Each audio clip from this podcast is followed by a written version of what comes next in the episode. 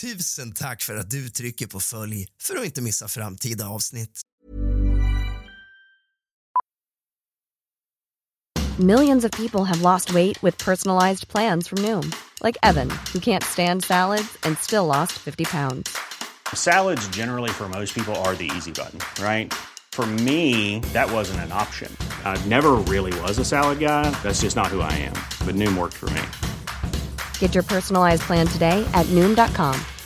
Real Noom user compensated to provide their story. In four weeks, the typical Noom user can expect to lose one to two pounds per week. Individual results may vary. I'm Sandra, and I'm just the professional your small business was looking for. But you didn't hire me because you didn't use LinkedIn jobs. LinkedIn has professionals you can't find anywhere else, including those who aren't actively looking for a new job but might be open to the perfect role, like me. In a given month, over 70% of LinkedIn users don't visit other leading job sites. So if you're not looking on LinkedIn, you'll miss out on great candidates like Sandra. Start hiring professionals like a professional. Post your free job on linkedin.com/people today. Quality sleep is essential. That's why the Sleep Number Smart Bed is designed for your ever evolving sleep needs. Need a bed that's firmer or softer on either side? Helps you sleep at a comfortable temperature? Sleep Number Smart Beds let you individualize your comfort so you sleep better together. JD Power ranks Sleep Number number 1 in customer satisfaction with mattresses purchased in-store. And now, save 50% on the Sleep Number limited edition Smart Bed for a limited time. For JD Power 2023 award information, visit jdpower.com/awards. Only at a Sleep Number store or sleepnumber.com.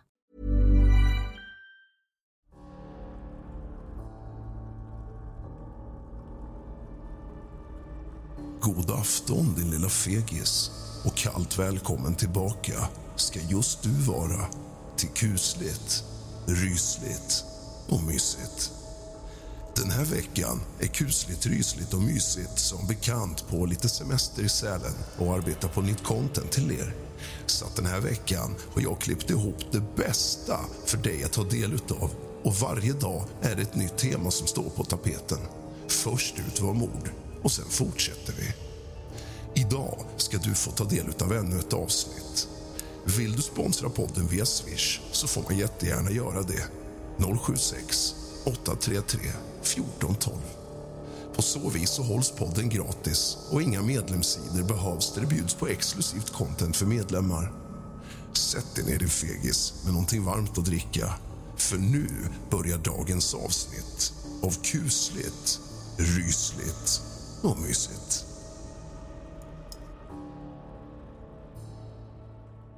Tack för att du trycker på följ för att inte missa framtida avsnitt.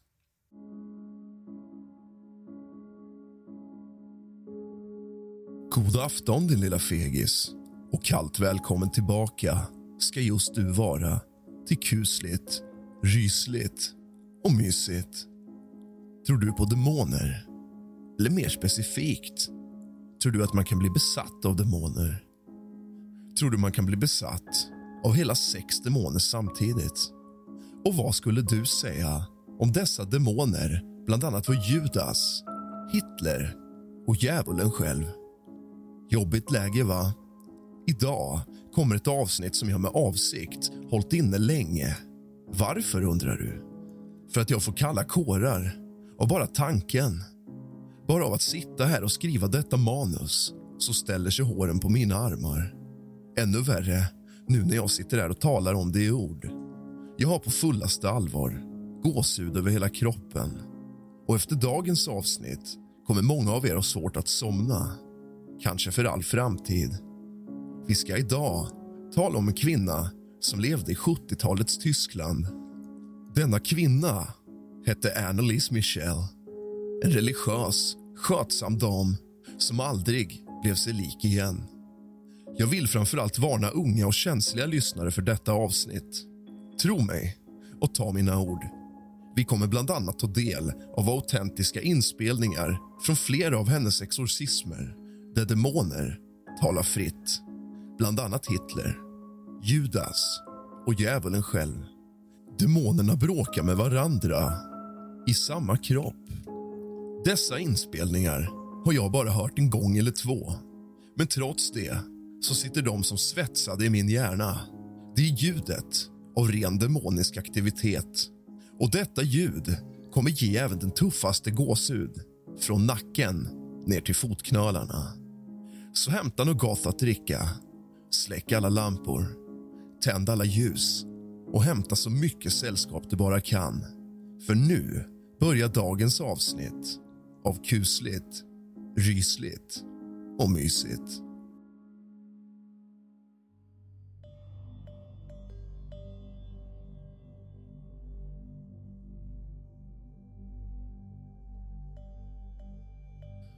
Annelise Michel, född den 21 september 1952 död den 1 juli 1976 var en tysk kvinna som påstod att hon var besatt av sex demoner och bad om att bli hjälpt med hjälp av exorcism.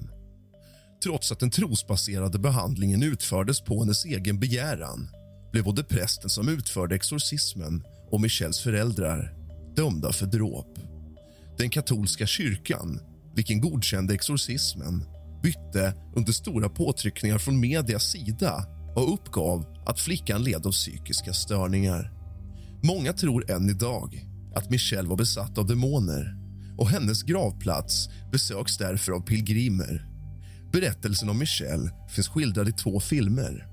Den tyska filmen Requiem och den amerikanska filmen The Exorcism of Emily Rose. Michelle upplevde svåra psykiska störningar från 16-årsåldern fram till sin död. När Michelle var 16 år gammal fick hon ett anfall och fick diagnosen psykos orsakad av epilepsi. Kort därefter fick hon diagnosen depression och blev behandlad på ett psykiatriskt sjukhus. När hon var 20 år hade hon blivit intolerant mot olika religiösa föremål och började höra röster. Hennes tillstånd försämrades trots medicinering och hon blev självmordsbenägen och uppvisade även andra symptom som hon också fick medicinering för. Efter att ha ätit psykiatriska mediciner i fem år och inte lyckades förbättra hennes symptom blev Michelle och hennes familj övertygade om att hon var besatt av en demon. Som ett resultat av detta vädjade hennes familj till den katolska kyrkan om en exorcism. De fick först avslag, men 1975 fick två präster tillstånd av den lokala biskopen.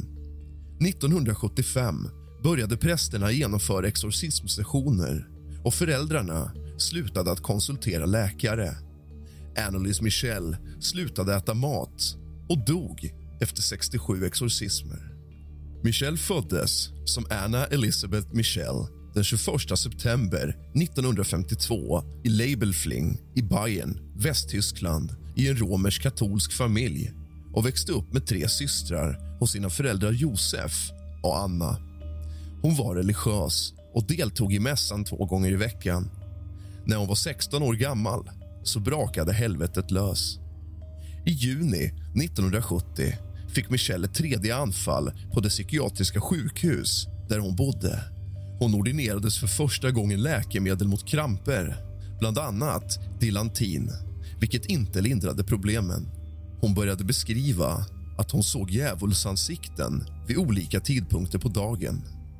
Samma månad fick hon Aulept utskrivet som liknar klorpromazin och används vid behandling av olika psykoser, bland annat schizofreni, stört beteende och vaneföreställningar.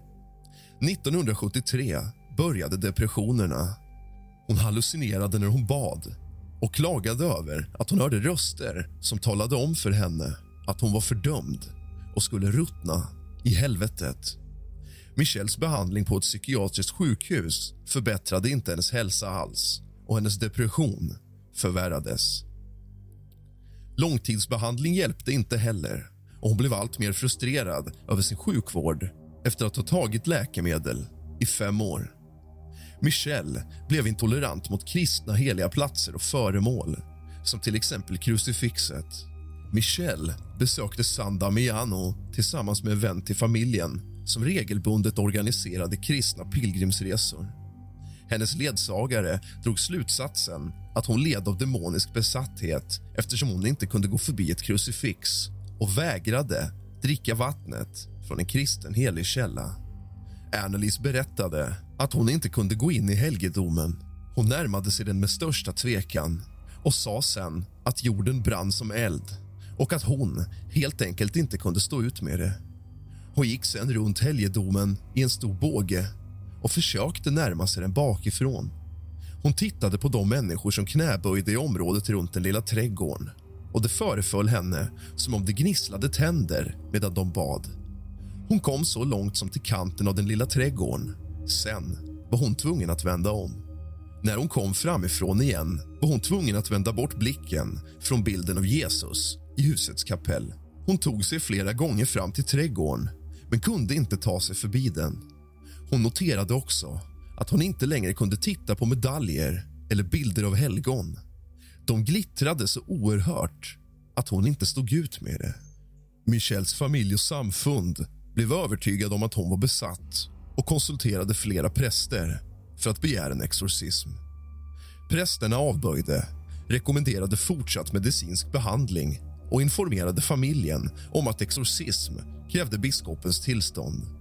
I den katolska kyrkan ges ett officiellt godkännande för en exorcism när personen strikt uppfyller de fastställda kriterierna och anses lida av besatthet och vara under demonisk kontroll. Intensiv motvilja mot religiösa föremål och övernaturliga krafter är några av de första indikationerna. Michelle försämrades fysiskt och visade aggressivitet, skadade sig själv, drack sitt eget urin och åt insekter. I november 1973 inledde Michelle en behandling med Tegretol ett kramplösande läkemedel och humörstabiliserande. Hon fick antipsykotiska läkemedel utskrivna under de religiösa riterna och konsumerade dem ofta fram till en tid före sin död. Trots att hon tog dessa läkemedel förvärrades hennes symptom. Hon började morra, se demoner och kasta saker. Prästen fader Ernst förklarade att Michelle inte såg ut som en epileptiker, hur nu en sådan ser ut och att han inte observerade att hon fick anfall. Allt trodde att hon led av demonisk besatthet och uppmanade den lokala biskopen Josef Stangel att tillåta en exorcism. I ett brev till Allt skrev Michelle 1975 Jag är ingenting. Allting om mig är fåfänga. Vad ska jag göra? Jag måste förbättra mig. Du ber för mig. Och sa också en gång till honom Jag vill lida för andra människor, men detta är så grymt. I september 1975 gav biskop Josef Stangel fader Arnold Rens tillstånd att utföra en exorcism men beordrade total sekretess. Rens utförde den första sessionen den 24 september. Michelle började i allt högre grad tala om att dö för att sona dagens vilsna ungdomar och den moderna kyrkans avfälliga präster. Hennes föräldrar slutade på hennes begäran konsultera läkare och förlitade sig enbart på exorcismens riter. Totalt 67 exorcismtillfällen. Ett eller två i veckan som varade upp till fyra timmar vardera genomfördes under cirka tio månader 1975 och 1976. Mot slutet av sitt liv började Michelle vägra äta. Den 1 juli 1976 dog Michelle i sitt hem. I obduktionsrapporten angavs dödsorsaken undernäring och uttorkning. Hon vägde 30 kilo, hade brutna knän efter ständiga knäböjningar kunde inte röra sig utan hjälp och rapporterades ha fått lunginflammation. Efter en utredning hävdade den statliga åklagaren att Michelles död kunde ha förhindrats så sent som en vecka innan hon dog. 1976 åtalade staten Michelles föräldrar och prästerna Ernst och Arnold för vårdslöst dråp. Föräldrarna försvarades av den berömda försvarsadvokaten från Nürnbergrättegångarna, Erich Schmidt-Leichner och prästernas försvarsadvokat betalades av kyrkan. Staten rekommenderade att ingen av de inblandade parterna skulle fängslas. Istället rekommenderades böter för prästerna medan åklagaren drog slutsatsen att föräldrarna borde undantas från sitt straff eftersom de hade lidit tillräckligt. En förmildrande rättslig faktor i tysk straffrätt. Rättegången inleddes den 30 mars 1978 i distriktsdomstolen och väckte stort intresse. läkare, vittnade om att Michelle inte var besatt och förklarade att manifestationen av demonisk besatthet var en psykologisk effekt av hennes strängt religiösa uppfostran samt hennes epilepsi. Dr. Richard Roth, som allt hade konsulterat för medicinsk hjälp påstods ha sagt till Annalise Michelle under exorcismen att Det finns ingen injektion mot djävulen, Annalise. Schmidt-Leichner hävdade att exorcismen var laglig och att den tyska konstitutionen skyddade medborgarna i det obegränsade utövandet av deras religiösa övertygelser. Försvaret spelade upp band som spelades in vid exorcismsessionerna. Dessa band ska ni snart få lyssna på. Ibland med vad som påstods vara demonerna som argumenterade för att hävda sitt påstående att Michelle var besatt. Båda prästerna hävdade att demonerna identifierade sig som Lucifer, Kain, Judas, Belial, Legion, Hitler och Nero, för att nämna några. De hävdade också att Michel slutligen befriades från den demoniska besatthet som var ett resultat av exorcismen strax före hennes död.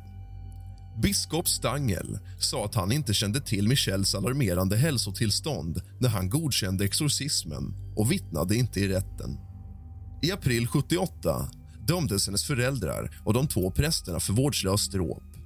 De fick villkorliga fängelsestraff och de ålades att dela på kostnaderna för rättsprocessen. Straffen har beskrivits som strängare än vad åklagaren hade begärt och som hade begärt att prästerna bara skulle få böter och att föräldrarna skulle befinnas skyldiga, men inte straffas. Genom att godkänna den gamla exorcismriten drog kyrkan till sig allmänheten och mediernas uppmärksamhet. Enligt författaren John M. Duffy var fallet en felidentifiering av psykisk sjukdom. Efter rättegången bad familjen Michelle myndigheterna om tillstånd att gräva upp deras dotters kvarlevor eftersom hon hade begravts i onödig brådska i en billig kista. Nästan två år efter begravningen, den 25 februari 1978 ersattes hennes kvarlevor i en ny kista av ek som var klädd med plåt. I de officiella rapporterna står det att kroppen uppvisade tecken på förfall som är typiska för ett lik i den åldern. Detta har dock diskuterats om det är en mörkläggning eller inte och att kroppen egentligen grävdes upp för att se om det hade hänt någonting alls. Och varför klär kistan i plåt? Familjen och prästerna avråddes från att titta på Michels kvarlevor. Fader Rens uppgav senare att han hade hindrats från att gå in i bårhuset. Michels gravplats förblir en pilgrimsort Antalet officiellt sanktionerade exorcismer minskade i Tyskland efter prövningen trots att påven stötte en bredare användning av metoden jämfört med sina föregångare. Den 6 juni 2013 brann huset där Michelle hade bott ned i en brand. Även om den lokala polisen fastställde att det rörde sig om mordbrand tillskrev en del av lokalbefolkningen branden till exorcismfallet. Nu mina damer och herrar, måste jag höja ett varningens finger. Alldeles snart så ska vi få ta del av inspelningarna som spelades upp under rättegången där Michelle hävdas vara besatt. Det vi kan höra är de olika demonerna som bråkar med varandra. Judas påstår bland annat att Hitler inte är någon i helvetet och inte har någon egentlig makt. Annelies Michelle ska även under dessa exorcismer ha pratat språk hon aldrig någonsin har behärskat. Hur man nu kan göra det bara genom att vara psykiskt sjuk. Dessa demoner talar och skriker och bråkar. Och Vi kan även höra prästerna i bakgrunden som desperat kämpar med att få henne fri från dessa demoner medan de i sin tur bara skrattar. Jag varnar er nu. Dessa inspelningar är otroligt obehagliga och de hemsöker mig fortfarande än idag fast det var väldigt länge sedan jag lyssnade på dem. Här kommer nu dessa inspelningar. Vad tror ni? Tror ni att hon var besatt? Tror ni att hon var offer för psykisk sjukdom som feldiagnostiserades? Sista varningen. Sista chansen. Nu sätter vi igång. Influencer.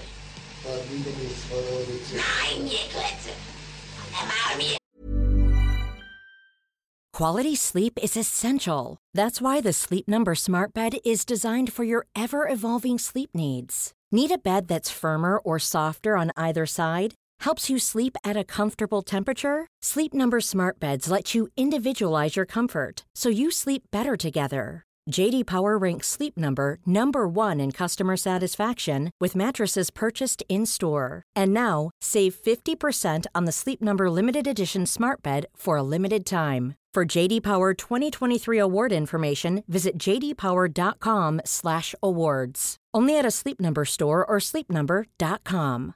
How would you like to look five years younger? In a clinical study, people that had volume added with Juvederm Voluma XC in the cheeks perceived themselves as looking five years younger at six months after treatment. Look younger, feel like you. Add volume for lift and contour in the cheeks with Juvederm Voluma XC. Reverse signs of aging by adding volume to smooth laugh lines with Juvederm Volure XC. For important safety information and to find a licensed specialist, visit juvederm.com. That's J U V E D E R M.com. Not for people with severe allergic reactions, allergies to lidocaine, or the proteins used in Juvederm. Common side effects include injection site redness, swelling, pain, tenderness, firmness, lumps, bumps, bruising, discoloration, or itching. There's a risk of unintentional injection into a blood vessel, which can cause vision abnormalities, blindness, stroke, temporary scabs, or scarring. Talk to a licensed specialist to find out if it's right for you.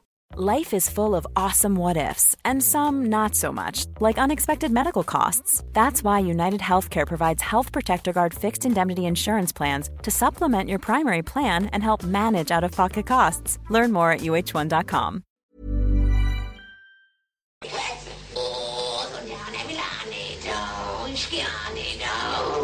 Máxima Jandrei. Você só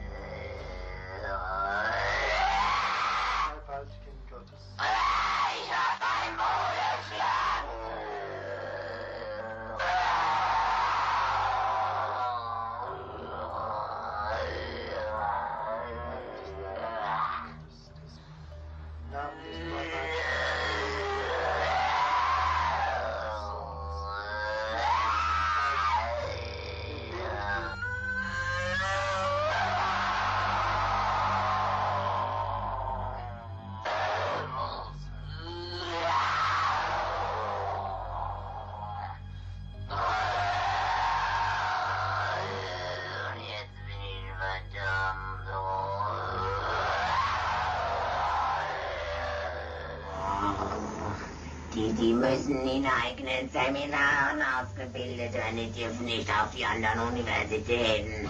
Kapiert? Klar. Ist da sonst noch etwas zu sagen? Oh, Wald ist, oh, weil, weil. Weil der Teufel größere Macht.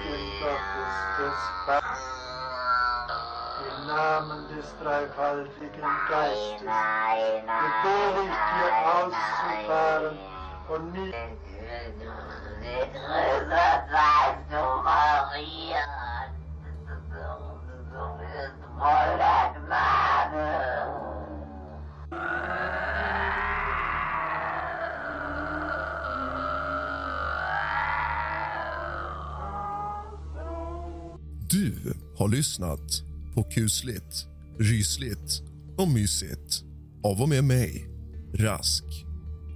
Sov gott.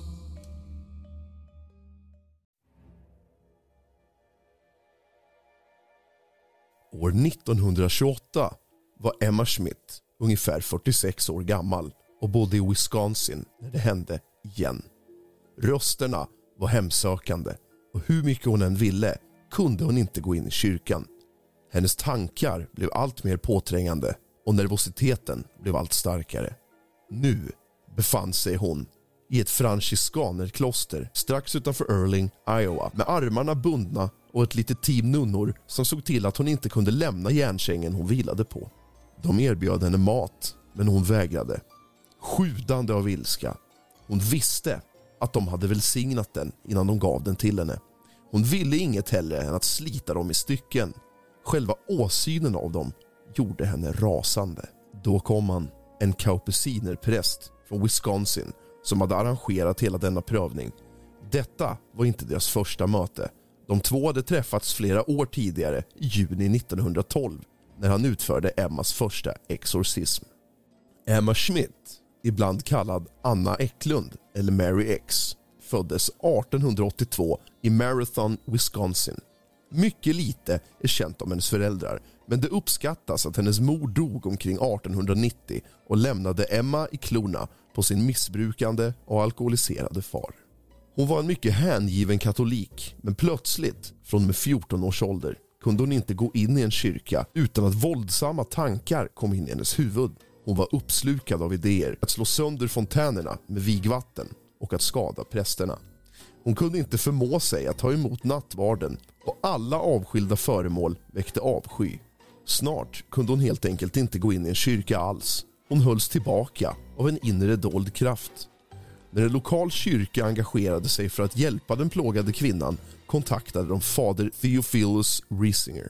Fader Riesinger föddes i Tyskland 1899 och vid 20 års ålder gick han med i Kaupusinerna, en gren av franciskanerorden. Han emigrerade till USA och praktiserade först i New York City innan han flyttade till mellanvästern 1912.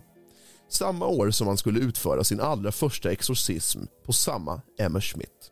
Fader Risingers första exorcism på den yngre Schmidt ansågs framgångsrik och hon kunde återgå till ett normalt liv. Men effekterna var kortvariga. När Schmidt och fader Risinger träffades för andra gången hävdade hon att hon inte hade upplevt en dag av frid på årtionden.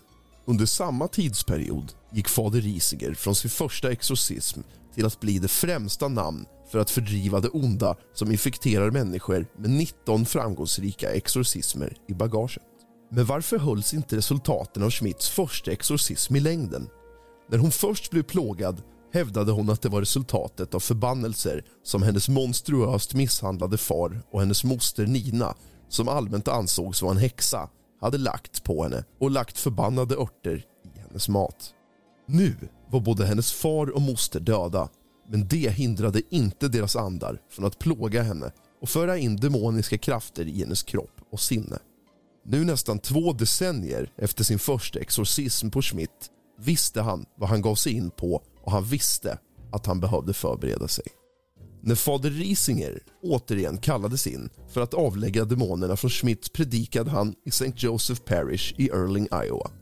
Pastor Josef Stiger var en gammal vän och fader Risinger bad honom om hjälp att låta honom utföra Schmidts nya exorcism i sin församling i staden. Fader Stiger kanske var tveksam men platsen Erling hade ett antal fördelar. För det första fanns det en katolsk kyrka och ett kloster där där Schmidt kunde bo under processen. Staden var lugn, bara några hundra invånare men den låg ändå tillräckligt nära staden Des Moines och en större järnväg för att hon skulle kunna resa till platsen.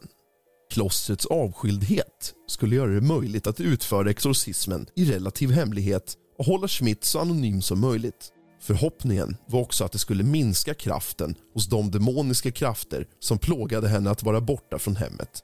Det stod nästan omedelbart klart att avståndet inte gjorde någon skillnad. Schmidt anlände till Erling, Iowa den 18 augusti 1928 och hon uppgav senare att hon nästan omedelbart fylldes av raseri. När hon anlände till klostret ville hon angripa de nunnor som väntade på henne och när de kom med mat till henne visste hon genast att de hade välsignat den innan de gick in i rummet. Hon vägrade äta och dricka och fortsatte att sitta i sitt rum och spinna som ett djur i väntan på att fader Risinger skulle anlända. Det tog ganska mycket längre tid än väntat för honom att komma dit. När han väl anlände till tågstationen och träffade fader Stiger började de resan till klostret i hans personliga bil men fordonet vägrade att accelerera till full fart. Denna olägenhet förvånade inte fader Risinger eftersom han sa till fader Stiger Min käre vän, jag var inte alls upprörd över det. Jag skulle ha blivit mycket mer förvånad om allt hade gått smidigt. Svårigheter kommer att uppstå. Man måste förvänta sig att det kommer att uppstå. Djävulen kommer att göra sitt yttersta för att genomdriva våra planer. Medan jag väntade bad jag ständigt att den onda anden inte skulle kunna skada dig eftersom jag misstänkte att han skulle försöka hindra din ankomst. Ja, att han skulle försöka skada dig personligen. Den första sessionen inleddes samma dag. Schmidt lades på en järnkäng med sina kläder och ärmar bundna för att hindra henne från att bryta sig loss. De starkaste nunnorna i klostret fanns på plats för att hjälpa till och de höll henne nere i väntan på att skräckväldet skulle börja.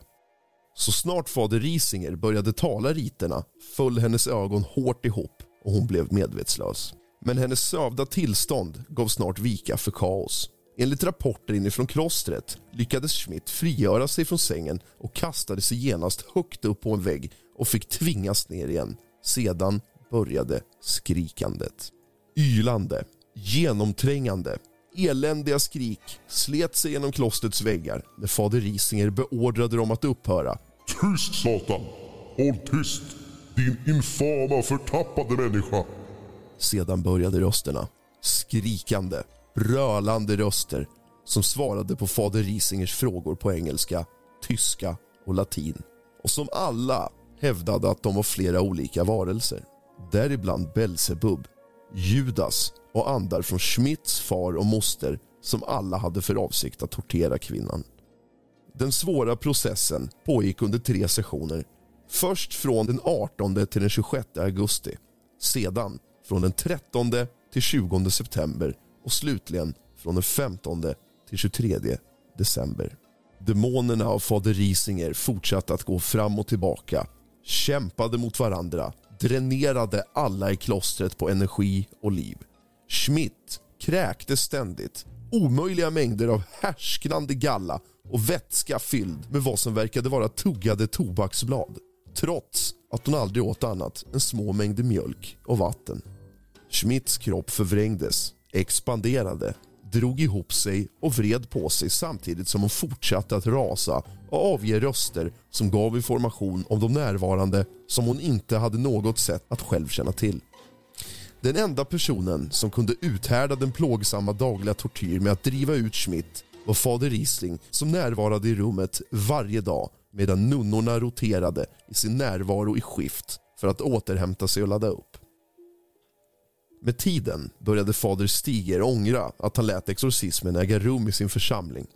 När han uttryckte sin åsikt att ritualen borde stoppas och flyttas någon annanstans reagerade fader Risinger med förvåning och skyllde sina andra tankar på att djävulen satte dem i hans huvud och försökte driva en kil mellan de gamla vännerna. Enligt uppgifter hade demonerna också en åsikt om fader Stigers ändrade inställning och skrek till honom. Vänta bara till slutet av veckan, när fredag kommer. Då... Och när den fredagen kom var fader Stiger inblandad i en bilolycka när han var på väg för att besöka en sjuk kvinna. Han överlevde dock olyckan med endast mindre skador. Men under de följande veckorna hävdade prästen att han inte kunde sova på nätterna på grund av en ständig ström av utomjordiska ljud som bara stannade upp en kort stund som svar på hans böner. Vecka efter vecka verkade det som att fader Risingers ansträngningar inte hade någon effekt på plågoandarna som bodde inom Schmidt. Men sen, från och med den 15 december, började intensiteten i ondskan inombords att avta.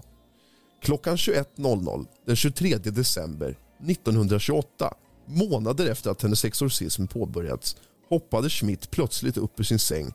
Nunnorna antog att detta bara var ännu en incident och försökte få ner henne igen. Men istället föll hon tillbaka och började mumla tyst. Belsebub, Judas, Jakob, Mina. Helvetet, helvetet. Långsamt gick det upp för de närvarande att Emma Schmidt efter så många veckors tortyr var sig själv igen. Exorcismen hade fungerat. Emma Schmidts exorcism skulle förbli hemlig. De nunnor som genomled denna prövning begärde förflyttning och alla flyttades inom ett år och tog historien med sig. Fader Risinger fortsatte att predika och driva utdrivningar fram till sin död i november 1941. Av allt att döma kunde Schmidt återgå till ett helt normalt liv som en hängiven katolik och aldrig mer plågas av de demoner som hade stulit nästan fyra decennier av hennes liv. Berättelsen skulle ha förlorats i historien för alltid om det inte vore för pastor Karl Fågel som samlade in ögonvittnesskildringar från exorcismen och publicerade dem under titeln Be Gone Satan. Den 48 sidor långa broschyren som ursprungligen skrevs på tyska och sen publicerades på engelska 1935 trycktes för att uppmuntra dem med stark tro att fortsätta kämpa mot det onda. Berättelsen om Emma Schmidts exorcism som består av fullständiga dialoger mellan fader Risinger och demonerna och ögonvittnesskildringar från vittnen fick snabbt uppmärksamhet i de breda nyhetsmedierna, däribland Time Magazine. Med tanke på historiens extrema karaktär har det varit en omfattande debatt om giltigheten av Emma Schmidts besatthet. Ögonvittnesberättelser svär att det är på riktigt och fader Stigers hushållerska svär på det. Jag var vittne till nästan hela perioden av exorcism i Erling-fallet och jag kan sanningsenligt säga att de fakta som nämns i Bigan Satan är korrekta. Några av scenerna var till och med mer skrämmande än vad som beskrivs i häftet. Det finns inte det minsta tvivel i mitt sinne om att jävlarna var närvarande och jag kommer aldrig att glömma de fruktansvärda scenerna. Vidriga, smutsiga, smutsiga, så länge jag lever. Ändå insisterar vissa på att Schmidt inte var besatt utan ett offer för psykisk sjukdom. I början av 1900-talet var psykisk sjukdom mycket missförstådd och till och med ignorerad. Schmidt träffade många läkare under de första åren av sin besatthet och ingen kunde hitta några problem och en ledande specialist på den tiden förklarade att hon var normal i den fullaste bemärkelsen. Exorcismen var en av de sista som officiellt sanktionerades av den katolska kyrkan och påvliga dokument rapporterar att exorcism av en kvinna verkligen ägde rum i franschikanersystrarnas kloster under tre separata sessioner som sammanlagt varade i 28 dagar. Med ett sånt hemlighetsmakeri runt omkring och med de enda redogörelser som kommer från de som påstår sig ha bevittnat händelserna med egna ögon fortsätter många experter att peka på fallet Emma Schmidt som ett verkligt dokumenterat fall av demonisk besatthet. Fader Risinger och fader Stiger gjorde till en början stora ansträngningar för att hålla historien om Emma Schmidt så tyst som möjligt. Men i och med publiceringen av Be Gone Satan avslöjades historien för allas ögon. En person som läste berättelsen var författaren William Peter Blatty som använde historien som en av inspirationerna till sin bok Exorcisten som senare anpassat till vad många anser är en av de största skräckfilmerna genom tiderna. År 2016 tog den walesiska regissören och författaren Andrew Jones berättelsen om Emma Schmidt till biograferna igen med sin film The Exorcism of Anna Eklund. Efter sin framgångsrika andra exorcism försvann Emma Schmidt och alla hennes alias ur registret. Men hennes historia och upplevelser lever vidare i film, böcker och den eviga diskussionen om det paranormala och besatthet.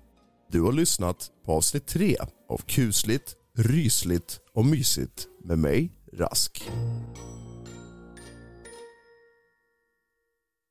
Tack för att du trycker på följ för att inte missa framtida avsnitt.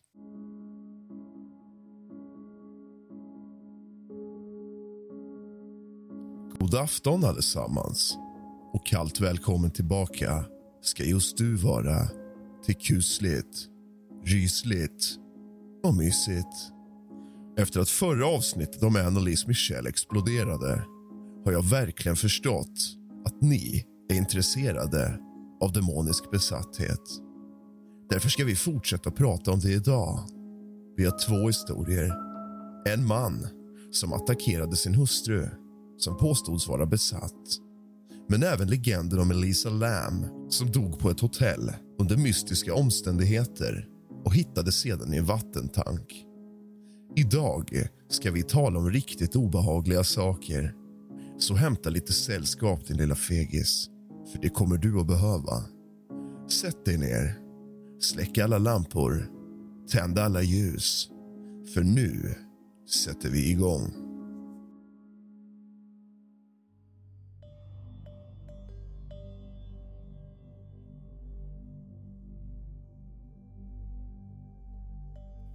Michael Taylor, född 21 september 1944 blev känd i England 1974 till följd av mordfallet i Osset och hans påstådda demoniska besatthet. Taylor bodde i Osset i West Yorkshire och arbetade som slaktare. 1974 uppgav Taylors hustru Christine till en kristen kamratgrupp att hans förhållande till gruppens ledare, Marie Robinson, var av kötslig natur. 1974 erkände Michael Taylor att han kände ondskan inom sig och attackerade så småningom Robinson verbalt, som skrek tillbaka till honom. Under nästa möte fick Michael Taylor en absolution men trots det fortsatte hans beteende att bli mer oberäkneligt. Som ett resultat av detta kallades den lokala kyrkoheden in med andra präster med erfarenhet av befrielse av förbannelser för att driva ut de demoner som fanns inom mannen. Exorcismen, som ägde rum den 5-6 oktober 1974 i St. Thomas Church i Garber leddes av fader Peter Vincent, den anglikanska prästen i St. Thomas och fick hjälp av en metodistpräst, pastor Raymond Smith. Enligt Bill Ellis, en auktoritet på folklore och det okulta i den samtida kulturen menade att de under en ceremoni som pågick hela natten åkallade och drev ut minst 40 demoner inklusive de som orsakade incest, bestialitet, händelse och otukt. I slutet, utmattade, lät de Taylor gå hem även om de kände att minst tre demoner, sinnessjukdom, mord och våld fortfarande fanns inom honom. Medan han var hemma mördade Taylor brutalt sin fru Christine. Han attackerade henne med sina bara händer slet ut hennes ögon och tunga och slet nästan av hennes ansikte. Han ströp sen deras pudel. Han hittades av en polis, naken på gatan, täckt av blod. Vid rättegången i mars frikändes Taylor på grund av sinnessjukdom. Han skickades till Broadmoor Hospital i två år och tillbringade sedan ytterligare två år på en säker avdelning i Bradford innan han släpptes ut. Fallets bisarra karaktär drog till sig stor publicitet. Och nu, mina damer och herrar, till kvällens huvudhistoria. Historien om Elisa Lam. Den 19 februari 2013 hittades den kinesiska kanadensiska turisten Elisa Lam i en stor cistern på hotellet Stay on Main, eller Cecil Hotel, i centrala Los Angeles. Där hade hon varit gäst. Hon såg senast vid liv den 31 januari och anmäldes försvunnen av sina föräldrar den 1 februari.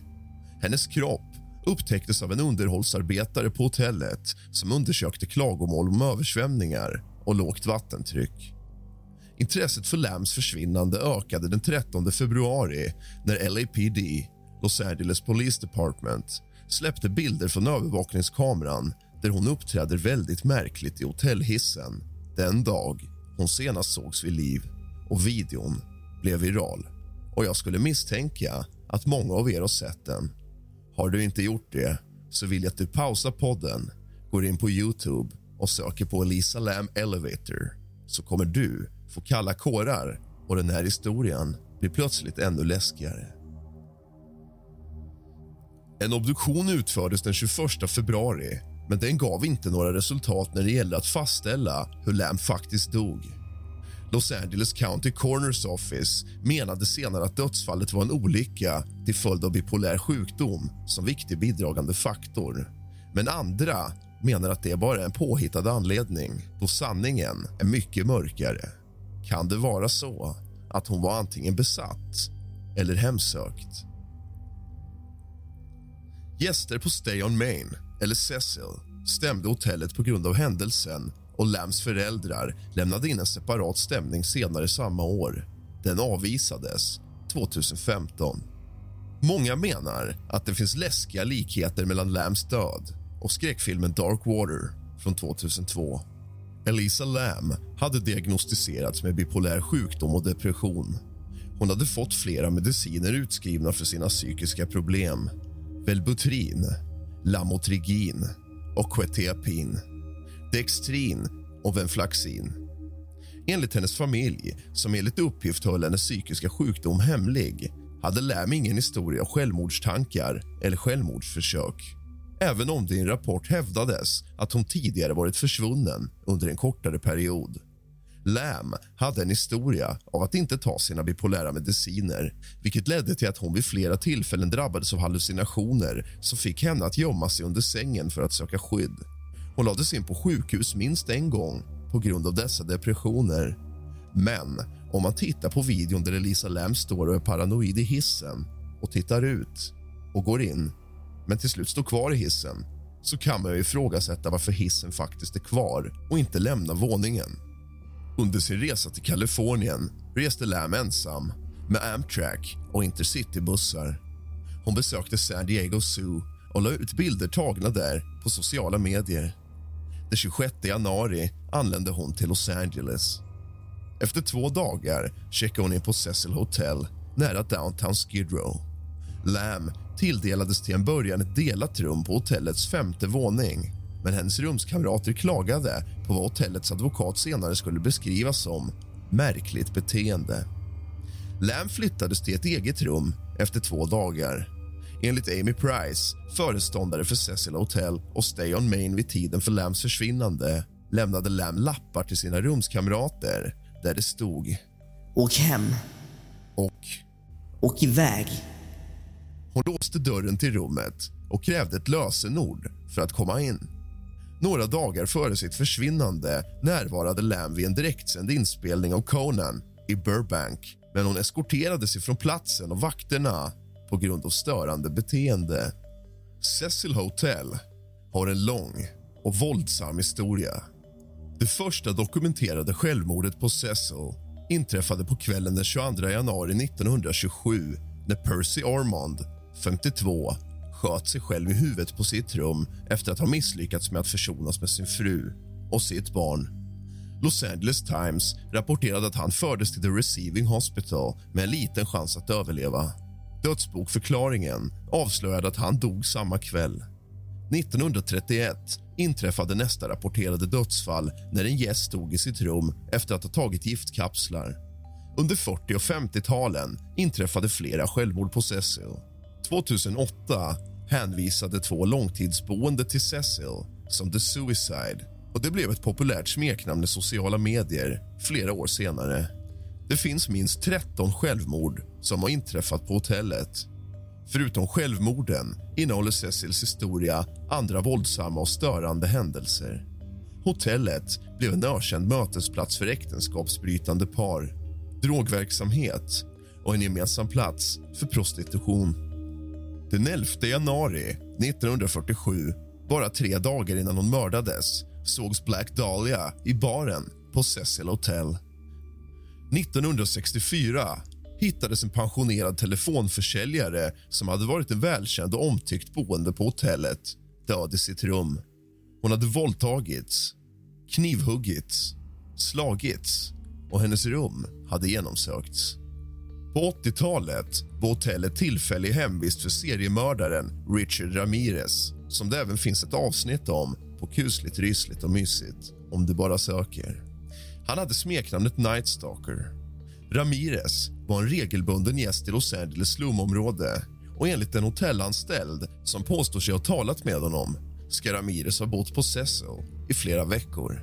Ramirez genomförde flera mord i sin mordserie medan han bodde på hotellet han ska enligt uppgifter ha klätt av sig sina blodiga kläder i gränden utanför byggnaden innan han klättrade upp för den inre trappan till sin bostad. 1991 bodde en annan seriemördare, österrikaren Jack Unterweger, på Cecil. Möjligen för att han försökte kopiera Ramirez brott. 1991 bodde han på Cecil. Under tiden där ströp och mördade han minst tre prostituerade. Brott som han har dömts för i Österrike. Lam kontaktade sina föräldrar i British Columbia dagligen under resan fram till den dag då hon försvann. Den 31 januari 2013, dagen då hon skulle ha checkat ut från Cecil och åkt till Santa Cruz hörde föräldrarna ingenting från henne och hörde då av sig till Los Angeles Police Department. Familjen flög till Los Angeles för att hjälpa till i sökandet. Hotellpersonal som såg Lam den dagen sa att hon var ensam Utanför hotellet var Katie Orphan, föreståndare för The Last Bookstore den enda person som påminde sig ha sett henne den dagen.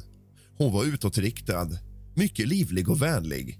Medan hon hämtade gåvor att ta med hem till sin familj berättade Orphan för scenen. Hon pratade om vilken bok hon skulle få och om det skulle vara för tungt för henne att bära runt på när hon reser. Polisen genomsökte hotellet i den mån de juridiskt sett kunde. De genomsökte Lams rum, lät hundar gå igenom byggnaden, inklusive taket men hundarna lyckades inte upptäcka hennes doft. Men vi genomsökte inte varje rum, sa sergeant Rudy Lopez senare. Vi kunde bara göra det om vi hade sannolika skäl. Det vill säga att tro att ett brott hade begåtts. Den 6 februari, en vecka efter att Lam senast hade setts beslutade LAPD att mer hjälp behövdes. Flygblad med hennes bild sattes upp i grannskapet och på nätet.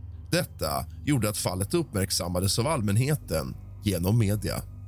Den 13 februari, ytterligare en vecka utan några spår av Lam släppte LAPD en video av den sista kända iakttagelsen av henne som togs i en av hissarna på hotellet. En videoövervakningskamera som spelar upp ett klipp från den 31 januari. I ungefär två och en halv minut av filmen gör Lam ensam ovanliga rörelser och gestikulerar och lämnar hissen vid ett tillfälle medan dörrarna förblir öppna. Även om hon verkar ha tryckt på alla knappar. Dörrarna stängs inte när hon har återvänt. Hon går därifrån. Då stängs dörrarna. Varför? Vad hände på hotellet? Var Elisa Lam besatt? Var hon hemsökt av någon som ville henne illa? Vad som senare hände kommer ni alla få kalla kårar utav.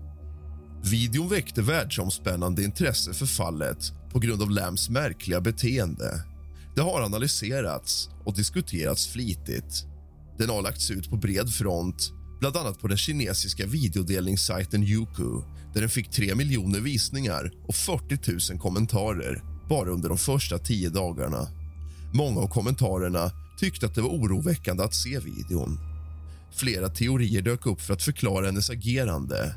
En var att Lam försökte få hisskorgen att röra sig för att fly från någon som följde efter henne. Andra föreslog att hon kunde vara påverkad av ecstasy eller någon annan partydrog. Men inget av det kunde påvisas i hennes kropp. Och hur skulle droger kunna påverka hissen? Om man går in i hissen och trycker på alla knappar så är det väldigt ologiskt att hissen står kvar på våningsplanet med dörrarna öppna. Och när hon går ut och sen går iväg så stängs hissen och åker till nästa våning. Det är väldigt märkligt. När hennes bipolära sjukdom blev känd dök också teorin upp om att hon kunde ha en psykotisk episod. Hur nu en psykotisk episod skulle kunna påverka hissen. Andra tittare hävdade att videon hade manipulerats innan den offentliggjordes. Förutom att tidsstämpeln hade skymts hade delar saktats ner och nästan en minut av materialet hade tagits bort. Detta kan ha gjorts för att skydda identiteten på någon annan som skulle ha varit med i live-videon antingen med eller utan anknytning till försvinnandet. Men om polisen är så förbryllad och vill ha hjälp av allmänheten och går ut med denna video varför då klippa ut en potentiell gärningsman om man vill ha alla tips man bara kan? Under sökandet efter Lam började gästerna på hotellet klaga på lågt vattentryck. Några hävdade senare att deras vatten var svart och hade en ovanlig smak. På morgonen den 19 februari hittade Santiago Lopez, en av hotellets underhållningsarbetare, Lams kropp i en av fyra 3785 liter stora tankar på taket som förser gästrummen, köket och kaféet med vatten. Genom den öppna luckan såg han Lam ligga med ansiktet uppåt i vattnet. Tanken tömdes och skars upp eftersom underhållningsluckan var för liten för att rymma den utrustning som krävdes för att ta bort Lams kropp. Den 21 februari utfärdade rättsläkaren i Los Angeles en rapport som visade att det handlade om en drunkningsolycka med bipolär sjukdom som en viktig faktor. I rättsläkarens fullständiga rapport som släpptes i juni stod det att Lams kropp hade hittats naken. Kläder som liknade de hon hade på sig i hissvideon flöt i vattnet. Belagda med sandliknande partiklar. Hennes klocka och rumsnyckel hittades också med henne. Lams kropp var måttligt förmultnad och uppsvälld. Den var mestadels grönaktig med en viss marmorering tydlig på buken och hudavskiljningen var tydlig. Det fanns inga tecken på fysiskt trauma, sexuellt övergrepp eller självmord. Toxikologiska tester visade spår som överensstämde med de receptbelagda läkemedel som hittats bland hennes tillhörigheter. En mycket liten mängd alkohol, cirka 0,02 procent, förekom men inga andra fritidsdroger. Utredare och experter har dock noterat att koncentrationen av hennes receptbelagda läkemedel i hennes system tyder på att hon var undermedicinerad eller hade slutat ta sina läkemedel nyligen. Utredningen hade fastställt hur Lam dog men gav inledningsvis ingen förklaring till hur hon hade hamnat i tanken. Dörrar och trappor som leder till hotellets tak är låsta och endast personalen har lösenkoder och nycklar. Och Varje försök att bryta upp dörrarna skulle ha utlöst ett larm. Hotellets brandstege kan ha gjort det möjligt för henne att kringgå dessa säkerhetsåtgärder. Hennes doftspår försvann i närheten av ett fönster som var kopplat till den. En video som lades ut på nätet efter Lambs död visade att hotellets tak var lätt åtkomligt via brandtrappan och att två av vattentankarnas lock var öppna. Förutom frågan om hur hon kom upp på taket frågade andra om hon kunde ha tagit sig in i tanken på egen hand. Alla fyra tankar var 1,2 gånger 2,4 meter stora cylindrar som stod uppställda på betongblock. Det fanns ingen fast tillgång till dem och hotellanställda var tvungna att använda en stege för att komma upp till tankarna. De var skyddade av väldigt tunga lock som skulle vara svåra att öppna. Den hotellanställda som hittade kroppen sa att locket var öppet vid tillfället vilket undanröjer frågan om hur hon kunde ha stängt locket inifrån. Polisens hundar som sökte igenom hotellet efter Lam, även på taket en kort tid efter hennes försvinnande hittade dock inga spår av henne. Förespråkare av teorin att hissvideon visar att hon var påverkad av olagliga droger avskräcks inte av att det inte finns med i den toxikologiska undersökningen och menar att det kan ha brutits ner under den tid hennes kropp förmultnade i tanken trots att man ändå hittade spår av alkohol. Eller att hon kan ha tagit sällsynta cocktails och såna droger en normal undersökning inte skulle upptäcka. Alla dessa förklaringar låter väldigt fint, eller hur? Det här är förklaringar som inte fanns från början. Från början lät det att tanken var stängd och att man inte kan ta sig ut på taket. Det var också ett mysterium hur hon hade tagit sig ner i tanken och varför hon hade klätt av sig alla sina kläder. Allting med detta fall är väldigt märkligt precis som många andra fall som tidigare utspelat sig på Cecil Hotel. Efter hennes död hade hennes Tumblr-blogg uppdaterats. Hennes telefon hittades varken hos hennes kropp eller i hennes hotellrum. Det är inte känt om de fortsatta uppdateringarna av hennes blogg underlättades av stölden av hennes telefon, av hackare eller något annat. Och Det är inte heller känt om uppdateringarna har något samband med hennes död. Vad tror du? På min Instagram-sida, realrask, har jag laddat upp en bild där jag berättar om fallet. Där får du gärna gå in och lämna dina åsikter. Vad tror du? Vad tänker du? Du har lyssnat på kusligt, rysligt och mysigt av och med mig, Rask. Sov gott.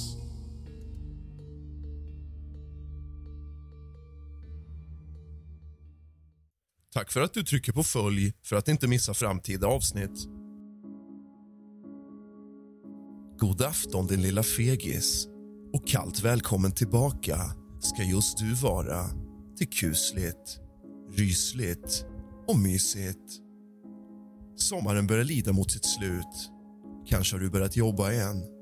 Kanske fruktar du att skolan snart drar igång igen. Men jag längtar bara till en sak det är hösten. För vi kommer ha otroligt mysigt tillsammans i höst med läskiga, ruggiga historier. Vi är inte riktigt där än, men håll ut ett litet tag till. Idag tänkte jag att vi ska djupdyka i nätforum för att läsa vad användare har upplevt för övernaturliga saker. Riktiga spökupplevelser. Hämta lite sällskap och något gott att dricka, släck alla lampor och tänd alla ljus. För nu börjar dagens avsnitt av kusligt, rysligt och mysigt.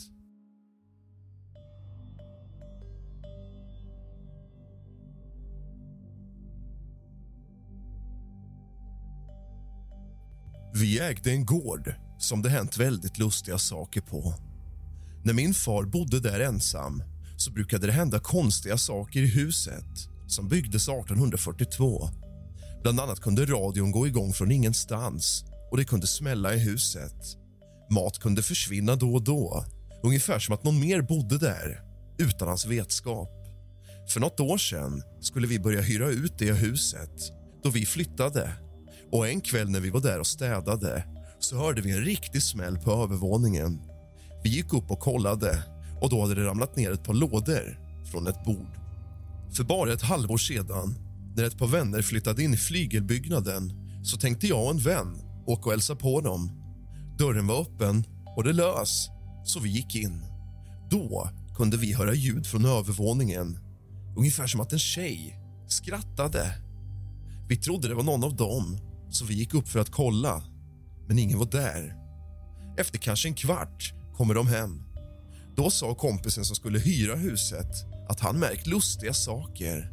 Bland annat att en dörr till en gammal vind öppnar sig själv ibland och att det är en dörr man verkligen måste smälla igen för att stänga. Så det är garanterat inte någon blåst och så vidare. Ett par andra hyresgäster påstår sig ha sett en gestalt i trappen till övervåningen som stod och kollade på dem. Man kunde känna en slags närvaro på vissa ställen och det kunde darra till i ryggen som om någon stod bakom och kollade på en. Ja, ja, det har hänt mycket lustiga saker där. Tydligen så står gården på det som en gång var en gravplats.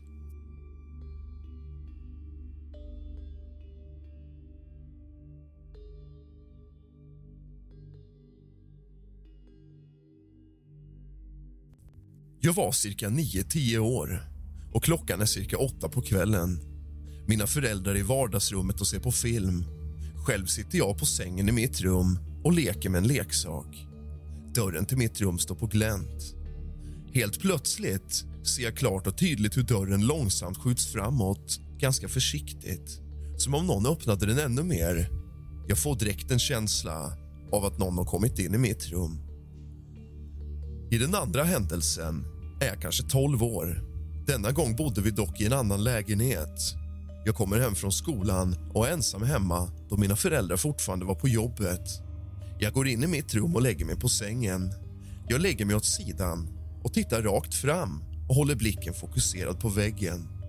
Helt plötsligt ser jag ett par ben från en skepnad uppenbara sig mitt framför mina ögon. Det var två helt svarta ben som går fram och ställer sig precis framför min syn. Någon kropp hann jag inte se. Jag får en chock och drar täcket över huvudet. Då försvann gestalten. Jag är hundra procent säker på att jag var vaken och inte halvsov när detta inträffade.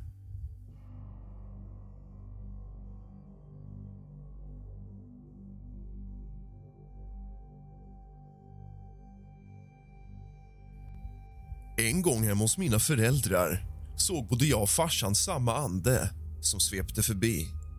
Men det häftigaste jag varit med om är när en ande flög rakt igenom mig när jag satt i en fåtölj och tittade på tv. Jag såg i ögonvrån hur det närmade sig mig och kom närmre och närmre. Sen gick den som rakt igenom mig. Hela jag ryste till och fick gåshud. Det var en väldigt häftig känsla.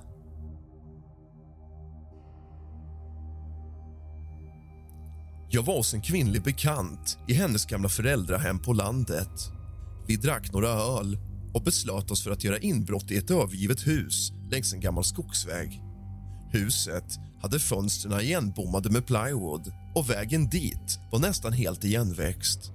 Hon hade alltid undrat vad som fanns där inne. Enligt ryktet hade ett mördat spädbarn hittats där och ägaren hade sen tagit sitt liv. Vi beslutade oss för att gå dit mitt i natten med ficklampor och en kofot. Vi hade även tagit med oss ett kristallglas och ett ouija-board för att köra anden i glaset. Vi hade en färdigrullad joint med oss. Vi bryter bort ena träskivan vid ett fönster, krossar glaset och öppnar fönstret inifrån. Där inne är nästan allt orört och det finns krucifix på väggarna. Min kompis hittar någon gammal vas och någon tavla som hon vill ta med sig hem. Vi sätter oss mitt i ett rum, lägger fram brädan och tänder ett ljus. Jag tänder jointen och vi börjar fråga frågor. Första frågan var finns din ande i huset. Ingenting hände. Hon frågar om det finns ett liv efter detta. Ingenting hände. Sen frågar hon finns Satans ande i huset. Hon får jointen och tar ett bloss. Sen börjar hon fråga hur länge hon kommer finnas. Hon lutar sig bak, lägger sig på rygg och börjar skratta okontrollerat. Då ser jag en ande som sveper förbi från höger och sugs in i hennes bröst. Hon börjar hosta och blöda näsblod. Sen börjar hon gråta. Hennes ögon spärras upp. Hon börjar få kramper och kan inte längre prata. Jag frågar henne vad som händer, men hon får inte fram ett ord. Hon ligger och skakar. Hennes ögon åker upp i pannloben. Hon får ingen luft och jag får panik. Jag springer in till toan för att hämta papper för att torka bort hennes blod. Och när jag kollar i spegeln ser jag en gammal tant med svarta ögon bakom mig i spegeln. Jag kollar bak, men ingen är där. När jag kommer tillbaka till rummet ligger hon i rummet och skakar och hennes ögon wobblar. Jag ber till Gud högt att driva ut denna ande i Jesu Kristus namn och en svart ande börjar sväva ovanför henne för att sen försvinna i luften. Hon tar ett djupt andetag och blir sig själv igen. Jag frågar vad som hände och hon berättar att en film hade spelats upp i hennes huvud där hon såg en kvinna som viskade något ohörbart i hennes öron och att hon hörde ett spädbarn gråta. Vi fick sen reda på att det var mystiska satanistiska besvärjelser på latin hon hade hört. Om inte den historien gav dig kalla kårar så vet inte jag vad. För jag sitter nämligen här med gåshud över hela kroppen när jag läser detta.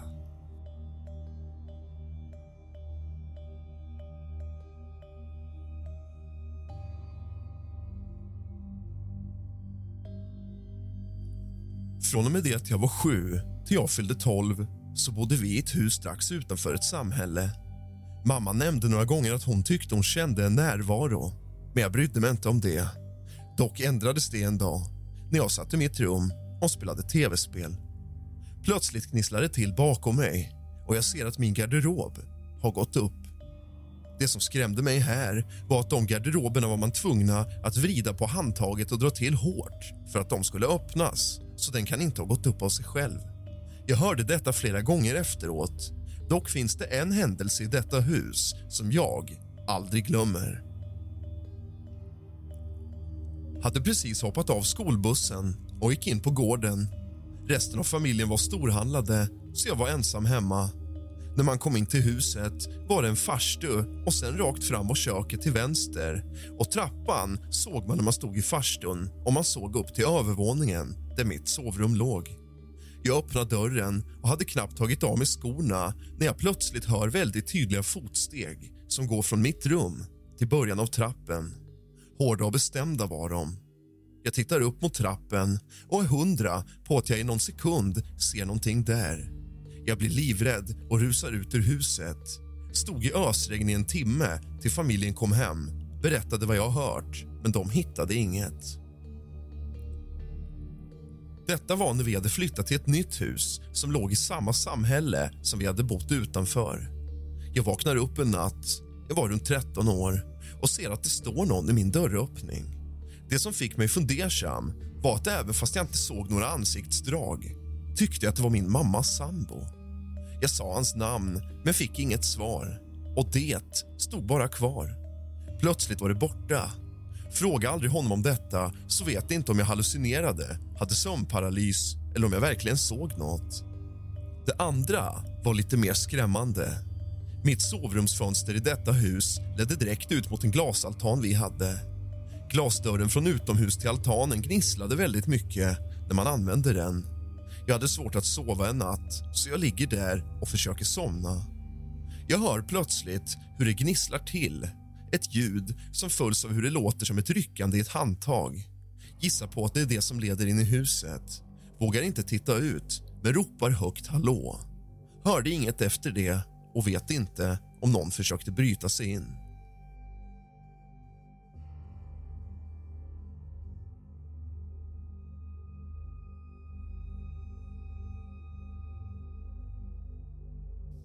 Det står ett intressant inlägg i denna tråd som vem som helst kan prova. Texten lyder ett experiment alla kan testa. Att när du är ute och går eller åker bil så fokusera och titta på de människorna som går på trottoaren med ryggen mot dig. De kommer vända huvudet och titta tillbaka på dig.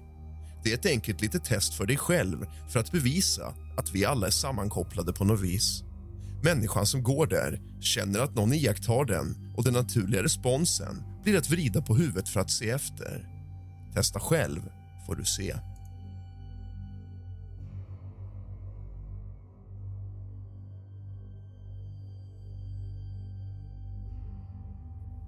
Jag och min fru var med om en liten halvskum upplevelse då vi hyrde en liten stuga i Ljusaryd i Blekinge. Då vi kommer till stugan på kvällen efter en lång fisketur hör vi hur det liksom trummas på något i skogen utanför stugan. Det låter precis som någon sorts shamantrumma som trummas i en monoton takt. Ljudet höll på i flera timmar. Samma takt hela tiden. Damm, damm, damm, damm, damm. Vi tänkte liksom så att det förmodligen bara är några hippies i stugorna längs vägen som har någon ceremoni eller liknande. Trummandet höll på i någon timma tills det sen slutade. På kvällen börjar vi sen se massa ljusbollar som åker omkring efter väggarna i stugan. Vi kunde inte lokalisera det till någon ljuskälla eller insekter eller liknande. Att det var helt sjukt. Vi kunde ligga där och se hur de vandrade efter väggarna, nästan som små orber. Hur som haver så bestämde vi oss för att sova. Vi vaknar sedan upp mitt i natten och hör hur detta trummande fortsätter. Men nu är det utanför dörren till stugan och jag hör hur det låter som att någon slår med kapsyl mot en sten. Vet ej varför, men vi fegade ur och vågade inte gå upp och titta. Vi lät bara trumman slå på. Vi ligger bara kvar i sängen och lyssnar och somnar till det. När vi sen vaknar på morgonen har någon lagt en stor sten utanför dörren och på stenen ligger mycket riktigt en kapsyl. Efter detta googlar vi lite på Ljusaryd och ser via trådar att fler upplevt märkliga saker i de skogarna. Allt kan ju självfallet ha en logisk förklaring men det var en väldigt spooky känsla.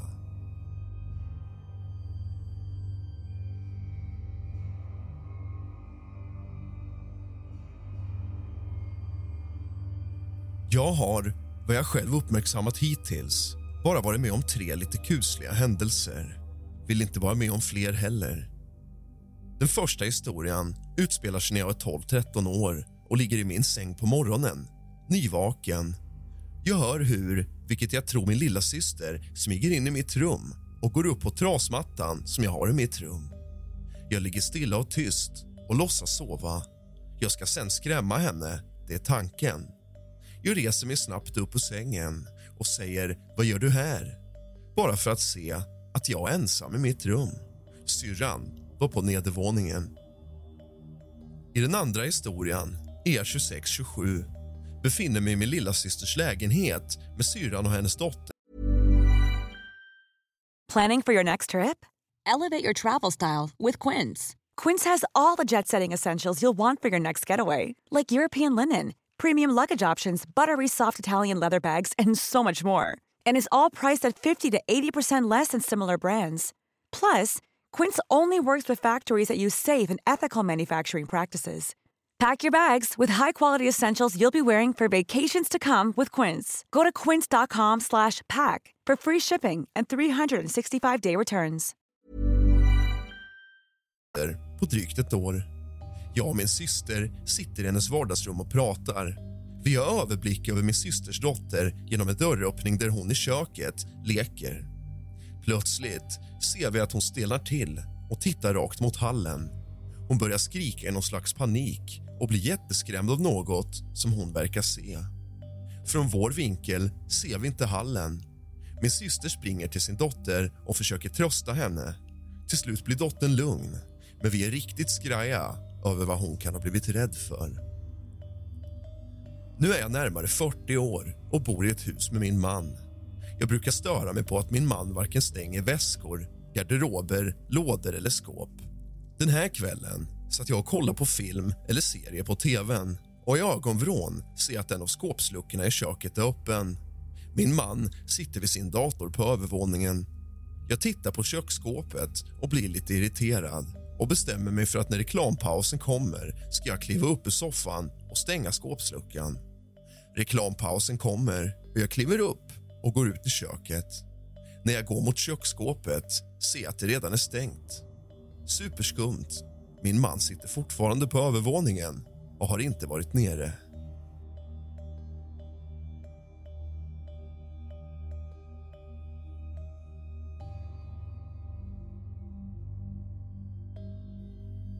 Okej, jag kan skriva lite.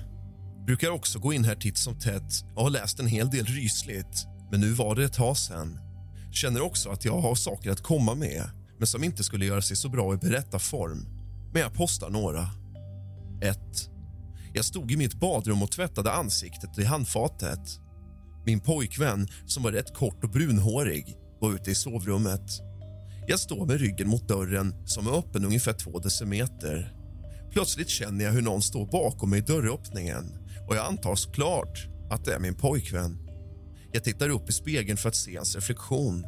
Istället ser jag en, vad jag tror är, en blond, mycket längre man som ler glatt åt mig. Jag blir livrädd, skriker till och slår händerna för ansiktet. Min pojkvän undrar vad som står till där han sitter i sovrummet. Jag vänder mig om och ser såklart ingen i öppningen och rusar ut till min dåvarande. Sätter mig på sängkanten och börjar gråta. Jag berättar att jag såg någon i spegeln. Han börjar skratta åt mig och jag inser hur dumt det låter.